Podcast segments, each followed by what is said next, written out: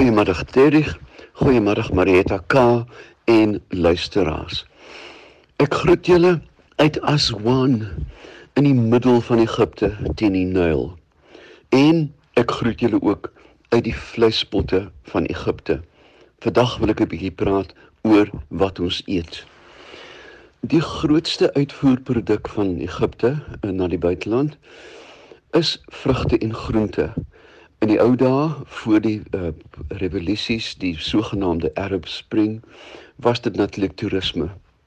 Want die hele wêreld het die plek oorstroom. Nou met onlangse aanvalle voel mense 'n bietjie onveilig en kyk jy die Nyl op en af, lê daar dosyne en dosyne groot Nylbote. Jy weet daai pragtige bote soos Death on the Nile van Agatha Christie lê vasgemeer en toegemaak. Maar nou ja, Die voorste uitvoerproduk van Egipte is deesdae vrugte en groente. Dit was altyd tweede. Waar meeste lande in die orde van 1 of hoogstens 2 oeste per jaar het, kan Egipte 6 tot 8 oeste die jaar afhaal. Nou kom ons begin eers kyk hoekom is dit moontlik? Een, soos almal weet, die vrugbare grond van die Nyl. In die ou dae voor die damme die die Aswan dam gebou is, het die Nyl natuurlik in vloed afgekom elke jaar hoofsaaklik uit die Blou Nyl uit die hooglande van Ethiopië. O ja, onthou natuurlik dat die Nyl bestaan uit twee riviere, die Blou Nyl uit Ethiopië van die Tana meer en dan ook die Wit Nyl wat uit Uganda kom en saam met Live the Journey het ek die voorreg gehad om natuurlik na die oorsprong van beide die riviere te gaan. Ek voel nogals baie spesiaal want ek ken beide die boorlope. Eenmal 'n jaar kom die rivier af en los dan 'n dun sluklaagie met vrugbare grond wat uit die hooglande wat dan dien as ehm um, die die nuwe bemesting vir die oes. Nou met die damme moet dit kunsmatig gedoen word. Um of selfs hulle kan dit nie eers naboots nie, hulle probeer dit naboots. Nou vra mens jou af hoe op aarde hou die grond dit. En ek het krities gekyk na die landerye langs die Nyl en hier is die antwoord. Behalwe in die delta daar naby Alexandrië waar 'n groot boerdery voorkom, kom meeste van hierdie produkte uit bitter piepklein uh, lappies aarde klein like klein like dosering langsom tomaties langsom eiervrug tussen dadelboom plantasies en ook tussen mangos. Dan nommer 1 dis 'n klein lappie grond. 2 daar word wisselbou toegepas. 1 jaar is daar tomaties dan word dit besering vir 3 jaar en dan word dit geroteer met eiervrugte En ek dink die Bybelse voorskrif van jou grond wat moet rus word indirek hier toegepas deur wisselbou. Sou 'n mens soos in Sudan waar daar nou probleme opgetel word, eenvoudig 'n 100 of 200 hektaar langs die Nyl toeplak onder tomaties of 'n ander gewas, gaan daar gou begin probleme kom. Tweedens, baie van die klein boere kan nie eintlik kunsmis bekostig nie, so wat word opgedra beesmis, kameelmis, skaap en bokmis.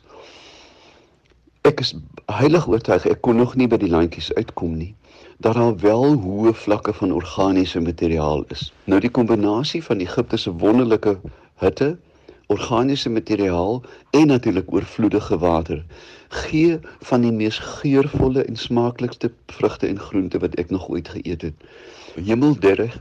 Jy kry 'n tomaat hier op straat vir hom 'n bietjie af en die hemel weet alleen dis nie altyd te skoon nie. Want dit is 'n ware ontploffing van smaak in die mond. Met ontbyt kan ek nie genoeg van die vrugte eet nie. En dan natuurlik by alles is daar heuningkoek. Hulle sit 'n heuningkoek so skuins teen 'n plankie, 'n tregtertjie onder en dit tap in 'n bakkie. Jy kry die heuning letterlik uit die koek. Nou ja, ons eet heeltemal te veel en heeltemal te oordadig, maar dis nou maar die ding wat mense op toere doen. Maar dit wil my effens terugbring na is daar weer eens soos al met al my reise iets te leer uit hierdie produksiemetode. En ek dink ja. Ry jy mens deur die Vrystaat, ry jy deur die graanlande van die Wes-Kaap, kan jy nie van die boere verwag om 1 hektaar koring te plant of 1 hektaar canola nie.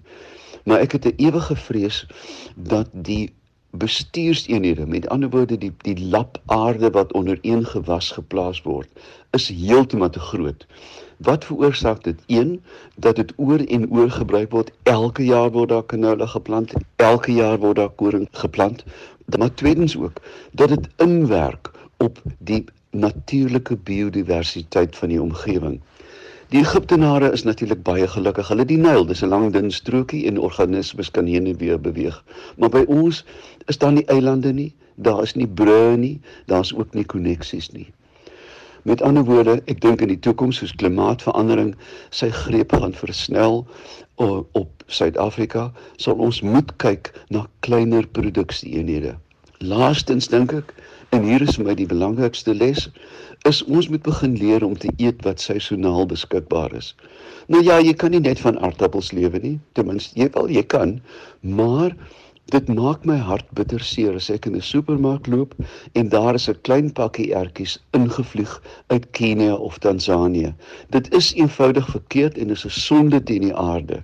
Ons moet fyner begin uh, inkope maak en begin etikette lees. Ek sê dit oor en oor, julle sal onthou dat as daar twee blikkies staan met ingelegde tomaties, koop die een uit Wellington, moenie die een koop uit Italië nie, al is hy effe goedkoper, want ons maak die aarde seer deur kos so oor die aarde te beweeg. So, dan om af te sluit, Die hemel weet alleen ons eet baie lekker en heeltemal te veel aan vars smaaklike groente. Die groente kom uit klein lappies aarde, onthou dit luisteraars, en met hoë vlakke van organiese materiaal. En tweedens, dit word plaaslik gebruik. Dit word Egipte voer eenvoudig geen tamatie in nie. Nou ja, uit die vleispotte van Egipte, uit die middel van Egipte, uit een van die mees geskiedkundige plekke van Egipte, Aswan.